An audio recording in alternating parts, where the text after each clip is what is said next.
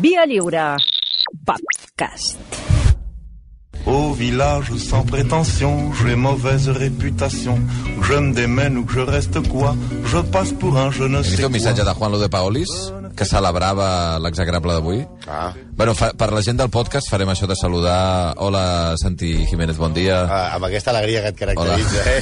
Hòstia, sí, sí, sí, si modesto m'ho dius i ja ho fem un altre dia. Bon dia. Va, tornem a tirar la cinta. Tornem, tornem a, a, talleu això i pel podcast només deixeu l'alegria de la huerta. A veure, eh? Au village sans prétention, j'ai mauvaise réputation. Hola, Santi Jiménez, bon dia. Hola, Xavi Bundó. Hola, Malcom Otero, bon dia. Bon dia! Uah, que contents que estem.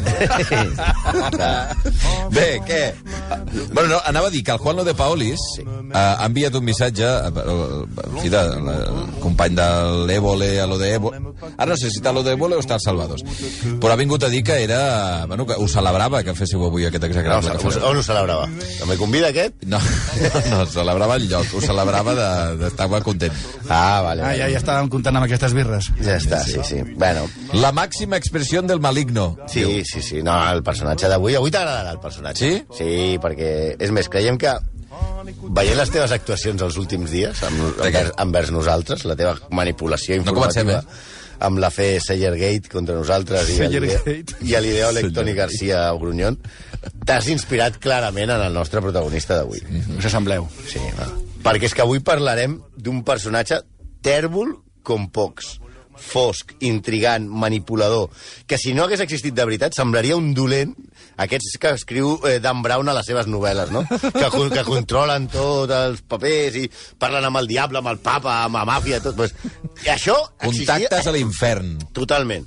És un home que, com passarà amb tu, esperem que dintre de molts anys, eh? Es va endur a la tomba... Escolta, Misteri... per que favor, D'aquí moltes, per favor, molts anys, home. eh? El pla sempre et mata. És veritat, sempre que fem alguna cosa el plan mata. Però aquí sigui d'aquí molt... Curiosament, eh? Perquè llavors diu, no, si jo és perquè, clar, com que ho escric jo al final, si no, ho hauries d'escriure tu. Ja. Terrible. Aquest home es va endur a la tomba misteris infinits i, com tu, també, va estar mig segle manant sense mostrar cap escrúpol. Però què diu? Parlarem d'un home que va deixar per a la posteritat, com a mínim, 5 de les 10 millors frases sobre política moderna. Un home tan temut com criticat, que va estar involucrat en mitja dotzena d'escàndols, però escàndols grossos, eh? Escàndol, escàndol, no allò de... No. Sí, sí, el de- Nacho Vidal dels escàndols. No, no, des de corrupcions financeres, finançaments il·legals i també segrestos i assassinats, eh? Oh, oh, oh, I no va passar ni un dia a la presó. hombre. Un senyor que, per resumir la seva vida, va Lobo de dir, Wall Street. va dir vaig néixer el 1919 amb el feixisme i el Partit Popular Italià, que era la, la, la, la gènesi de la democràcia cristiana. Ara, dels tres, ja només quedo jo. Amb una carrera... Ja no hi ha els feixistes Ni la democràcia... I el demòcrata cristià. Quedo jo. Amb, de, la, de, la, de la promoció del 19. Amb una carrera política inigualable va ser, no us espanteu, eh? 60 anys diputat, 7 cops president del govern italià i ministre en més de 15 ocasions. Per això, quan un dia li van preguntar si la política italiana era inestable, ell va respondre, inestable? De cap manera. Com ha de ser inestable un país on jo porto 50 anys al govern? I afegia, m'han culpat de tot menys de les guerres púniques, perquè es veu que jo era massa jove per tenir res a veure. Un personatge que tenia com a lema de vida el poder desgasta, especialment a qui no el té. Ell el va tenir tota la vida. Parlem de que Itàlia era conegut com il Divo Giulio, el diví Giulio, Zio Giulio, el, tio, el tiet Giulio, la Volpe, la guineu, l'esfinge, Oh, el gobo, el gobo. Perquè, el gobo perquè tenia una gepa, era, era, era, era geperut. Gobo és japerut. Sí. El gobo di Notre Dame. Pues aquest era el gobo del govern italià. O al tanto, que era el que més li agradava i el que tenia més èxit, Belcebú. Què dius? Li deien així? Sí, amb tots vostès, Giulio Andreotti.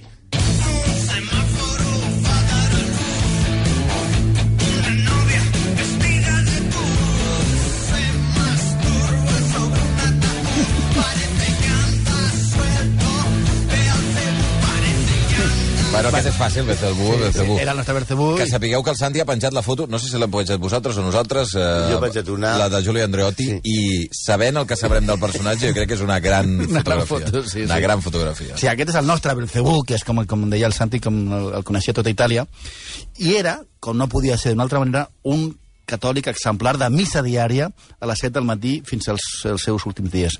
Va néixer a Roma, però podia haver nascut tranquil·lament al Vaticà.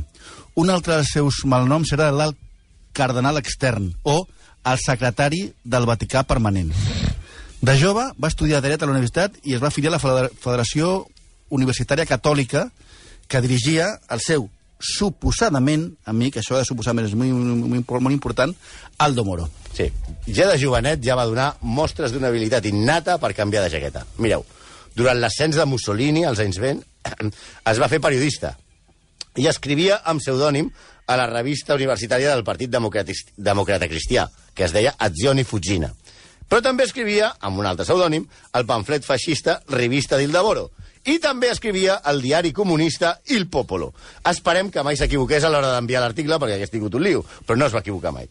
Quan esclata la Segona Guerra Mundial, Aldo Moro, que era el líder de les joventuts demòcrates cristianes, s'allista a l'exèrcit italià. I ell es queda per dirigir les joventuts demòcrates cristianes. És el seu primer càrrec. Passaria els 60 anys següents manant. Ara, ara. La trompeta se t'ha esconyat a mitja nota. He notat. No sé què ha passat, però... Ha fet...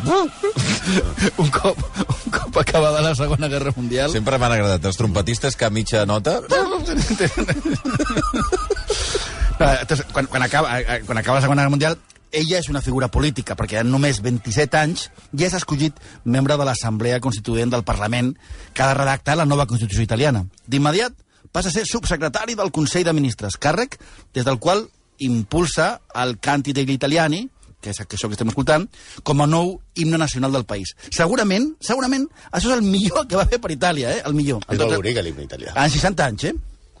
Des del primer dia que es va pujar un cotxe oficial, només va tenir una obsessió. Impedir que l'aleshores poderós Partit Comunista Italià arribés a manar. I això ho va fer de matrícula d'honor. Mira, la seva projecció política d'inici és imparable i va proporcionalment unida als escàndols. Començant amb els escàndols i l'ombra de la corrupció. Amb 35 anys, 35 és anomenat ministre de l'Interior i després ministre de Finances. És aleshores quan es veu involucrat el Giuffre Escàndalo, que era un frau bancari molt famós aleshores. El 1958, la Càmera de Diputats rebutja totes les acusacions en contra seu, però quatre anys després, el, el 1962, la mateixa Càmera el censura oficialment per les irregularitats que per culpa seva s'havien comès a la construcció de l'aeroport de Fiumicino. Sí, però abans va compatibilitzar el Ministeri d'Hisenda amb el càrrec de president del Comitè eh, Internacional dels Jocs Olímpics de Roma de l'any 60, on va trobar la seva salsa entre tant demòcrata que hi havia al Comitè eh, Olímpic Internacional. Anys després és nomenat ministre de Defensa, època en la que esclata l'escàndol dels expedients del Servei d'Intel·ligència conegut com Piano Solo, una conspiració per fer un cop d'estat feixista a Itàlia que encapçalava un general anomenat Giovanni de Lorenza, que és una mena de tejero a la italiana. Un cop descoberta la, la conspiració, Andreotti se li encarrega la destrucció dels expedients que abans de ser destruïts van ser convenientment copiats i entregats a Liccio Gelli, líder d'una loja maçònica amb la que Andreotti estava en tractes. I això encara no ha complert 60 anys, eh? Amb 53 anys, el 1972, arriba per primer cop al càrrec de primer ministre. Ho seria sis cops més. Seu és el rècord del govern més breu de la història d'Itàlia. Va presidir el govern nou dies abans de tornar a convocar eleccions. Això, imagineu-vos què passa per aquí, també. Eh, com a primer ministre va entabanar tothom. Primer cop, el primer cop que va ser president del govern va aconseguir el suport del Partit Liberal i del Partit Republicà, que no es podien ni veure. I en el mandat següent, el 1979, va ser elegit amb els vots del Partit Comunista, sense introduir al, al gabinet ni un ministre comunista, gràcies al que es va conèixer aleshores com compromeso històrico. I aquí a Catalunya, Convergència i Esquerra segueixen tenint problemes per pactar perquè només no es poden ni veure. Sí, sí, aquí la veritat... Històrica també era la seva capacitat de canviar d'aliats. Com cap del govern va trair tothom una i altra vegada, sempre dominant els serveis secrets i mantenint molt bones relacions amb els Estats Units i aliança amb banda d'ultradreta. Va arribar a pactar amb cinc partits diferents alhora, el pentapartito, per mantenir-se en el poder. Quan es va exaurir la fórmula, perquè clar, no es portaven gaire bé, es va aliar amb el seu principal rival, el socialista Bettino Crazzi, per muntar una mena de xiringuito de comissions a mitges amb les empreses que volien ser contractades pel govern. Que això és, és conegut com l'escàndol Tan- Tangentòpolis. Una idea que aquí a casa es va importar amb un nom menys pompós i més discret, perquè sí que són més discrets, que és el 3%. Sí, la tangentòpolis era la tangente que havia de pagar l'empresa per fer la comissió. Però a nivell internacional també va timar els seus aliats. I no qualsevol, eh? A Margaret Thatcher, per Ole. exemple. Quan va esclatar la guerra a les Malvines, Andreotti va ajudar a Argentina en secret. Tampoc va ser una ajuda determinant, si som resultadistes, però No, bueno. no va servir. No. Quan la dama de ferro es va assabentar, va trucar a Andreotti molt enfadada per recordar-li que Itàlia era membre de la OTAN i que havia de recolzar Anglaterra. I Andreotti li va respondre, miri senyora, el primer caigut a les Malvines tenia de cognom Giacchino, capità de primera generació d'italians. Què volia que fes? Però com vostè és anglesa, no entendrà el que diré. I li va dir la frase que tots els argentins recorden quan parlen d'Andreotti, que és Il sangue non è acqua.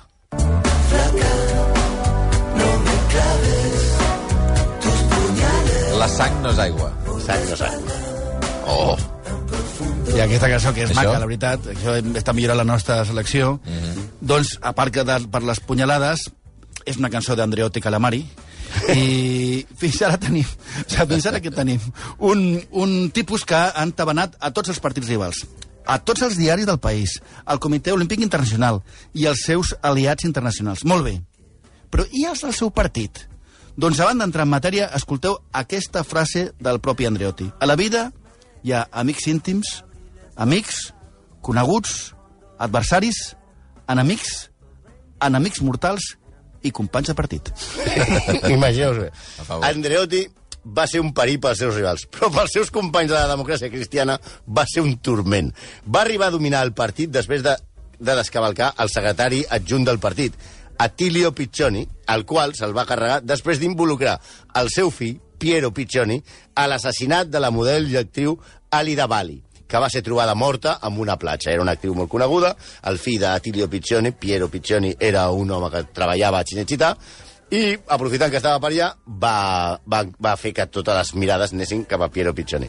És el cas que recrea Fellini a l'escena final de la Dolce Vita quan la parella de protagonistes troben una dona morta a la platja. Sí, la, eliminant de l'equació Piccioni, tots semblen noms de, de, de, de l'Inter, eh? Sí. Piccioni quedava eh, per, sobre la seu, per sobre seu la gran figura, diguem gairebé intocable, del líder màxim de la democràcia cristiana, que era el legendari Aldo Moro. Moro, que va ser arrestat per la Brigada Roges en un dels casos del segle a Itàlia i a Europa. Els terroristes volien un rescat i sembla que mai, la veritat, mai es van plantejar carregar-se una figura com aquella. Era com segrestar a Fraga, perquè ens fem una, una idea. Però l'encarregat de negociar el rescat amb els terroristes, que exigien l'alliberament de presos a canvi de la llibertat, era qui? Andreotti. I la cosa com va acabar? Doncs va acabar com va acabar. Després de quasi dos mesos de segrest, Moro va aparèixer mort en la maletera d'un Renault 4. Podia haver fet alguna cosa més Andreotti pel seu suposat amic de joventut? Ara posarem una mica de llum a la foscor. Però imaginem, imaginem que ja suposeu la resposta. I no us equivoqueu, eh? Aquí arribem a la part important. Però la gran polèmica sobre Andreotti, per si les anteriors no eren bastant fortes, No, les Brigades no, no, Roses, Fiumicino, el Comitè Olímpic Internacional, eh, acusar el fill d'un company de partit de que havia matat a una dona... Bé, la gran llegenda urbana és la seva relació amb la màfia. I no és ben bé una llegenda urbana. De fet, Andreotti va ser acusat formalment pels tribunals de connivència amb el crim organitzat. Va ser absolt en primera instància el 1999 i la Cort de Palermo va confirmar l'absolució el 2003. Però, atenció, amb un petit detall. Pels casos posteriors de 1980. Pels anteriors es va establir que havien prescrit, però se'l va condemnar sobre el paper. És a dir, el tribunal el va considerar culpable, però va admetre que no el podien condemnar. Sí, la seva relació amb els senyors de les retallades, i no parlem de, de, del, del PP en la, I de la crisi, sanitat, no, de- no, no, de les retall armes retallades, va ser, com tota la seva vida, sinuosa. Comencem pel cas del segrest d'Aldo Moro. Un dels casos que va sortir absolt va ser l'assassinat del periodista Mino Pecorelli. Pecorelli era un tipus poc recomanable i xantagista al que la màfia es va carregar presumptament per fer un favor a Andreotti sense que aquest els hi demanés. Es veu que Pecorelli va amenaçar Andreotti en publicar una sèrie de documents que podien acabar amb la seva carrera, que dubtem, eh, perquè aquest era immuni. Aquests documents eren, per una part, els papers de Michele Sindona, el banquer de la Cosa Nostra i del Vaticà, que va morir a la presó al prendre un cafè amb cianur. Sí. Mira, de, No sabia com. No el va demanar ell, eh? No, ja li va- m'imagino. Sí. L'ingredient secret no estava... Aquest és el que vam tractar quan vam fer Joan Pau II, quan a l'escàndol de la banca vaticana, que un dia, pum, va prendre un cafè per berenar i Ui, ja mira, quin error. I es va quedar pajarito. Per, per altra part, es veu que Pecorelli va aconseguir el diari que va escriure Aldo Moro durant el seu segrest, on acusava Andreotti de no fer possible, de no fer tot el possible per negociar el seu És a dir, alliberament. que eh, Aldo Moro ja veia que si m'ha de salvar, si m'ha de salvar Andreotti, Andreotti, ja, podeu, fotut, sí. ja podeu posar la retallada aquí al clatell. Però hi ha més encara. El 6 de gener de 1980, la màfia assassina a Piersanti Mattarella, el líder de la democràcia cristiana, el partit Andreotti, a Sicília, davant de la seva dona i el seu fill quan anava a missa. Segons el testimoni de la tripleta formada per Pippo Calò, Gaetano Baladamenti i Michelangelo La Bàrbara, que amb aquests noms no són la davantera del Palerm, són uns apenedits de la cosa nostra, Andreotti sabia que anaven a matar a Mattarella, però no va fer res. Bé, no va fer res? No, no és cert. No és cert. Els hi va dir que no utilitzessin mètodes molt, molt exagerats. I això que el van matar davant de la seva dona i el seu fill. Segons el testimoni... dels Moderació, els hi va dir. Sobretot seny. va dir, va dir, sigueu, moder... Diu, sigueu moderats. Segons van dir el, el, els, els apenedits. Segons el testimoni dels apenedits, Andreotti es va reunir dies després amb el mateix Totò Rina, anomenat La Bèstia, tot i que ell deia que només era un pagès, a una finca de Catània, per presentar-li la seva protesta i trencar, a partir d'aleshores, la seva col·laboració amb la màfia. Ah, clar, això va ser un punt d'inflexió entre Andreotti i la màfia. La reunió va acabar com el Rosario de l'Aurora. El lloctinent de Rina, Stefano Bontante, conegut com el Príncipe, va dir nosaltres manem a Sicília i si no vol que matem a tota la democràcia cristiana, faci el que li diem. Andreotti no es va acollonir, va respondre amb fets. Va nomenar el jutge Giovanni Falcone, l'arxienemic de la màfia, ministre de Justícia. Però la resposta del, de, dels nois de les retallades va ser brutal. Salvo Lima, mà dreta d'Andreotti, va morir assassinat a Palerm el mes de març. Michele Reina, secretari provincial de la democràcia, de la democràcia cristiana a Sicília, també va ser assassinat. I el cotxe de Falcone, com tots sabeu, volava amb mil quilos d'explosius amb mitja autopista també, camí de l'aeroport de Palerm. El seu successor, el jutge Paolo Borsellino, també va ser assassinat. L'únic que es va salvar, com sempre, va ser Andreotti. A Itàlia es coneix aquesta època de terror com la era dels cadàvers excel·lents. Tell